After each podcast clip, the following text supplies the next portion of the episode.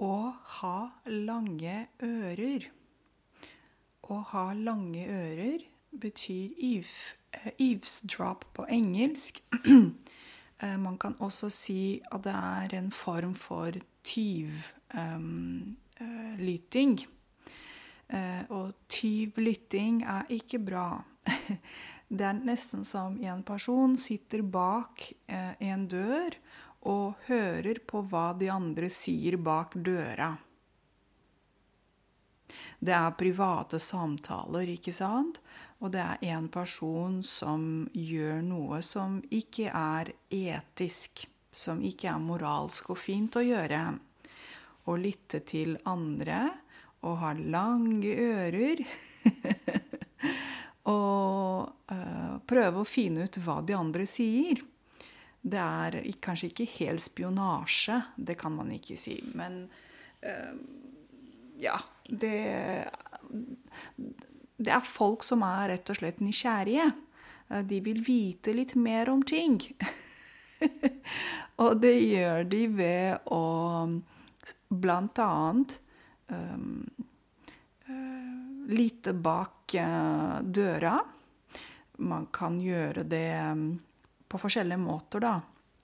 Gjennom telefoner, telefonsamtaler, e-poster f.eks tekstmeldinger um, ja, Forskjellige teknikker. Um, uh, ja. Så tyv, tyveri, um, det er når man stjeler noe. Uh, ja, hva skal jeg si? For eksempel reven, ja. reven er kjent som uh, en, et av dyrene som stjeler mat som ikke er sitt eget. Ja, så um, ja, det fins forskjellige former for tyveri. Um, så ja, det er det det betyr tyvlytting. Ok, Så tyvlytting uh, betyr uh, å ha lange ører. Ørene dine blir lange, lange, lange, og så er du veldig nysgjerrig på hva folk sier. Okay? Når kan dette her skje? Ja, i forskjellige kontekster og situasjoner. Um, man kan si f.eks. at han var veldig nysgjerrig og ville vite hva de sier på møtet. Og han um, valgte å uh, sitte bak døra med lange ører og høre på hva kollegene sa i møtet, eller på møtet. Ok? Og ha lange ører. Um, eksempel Eh, på restaurant.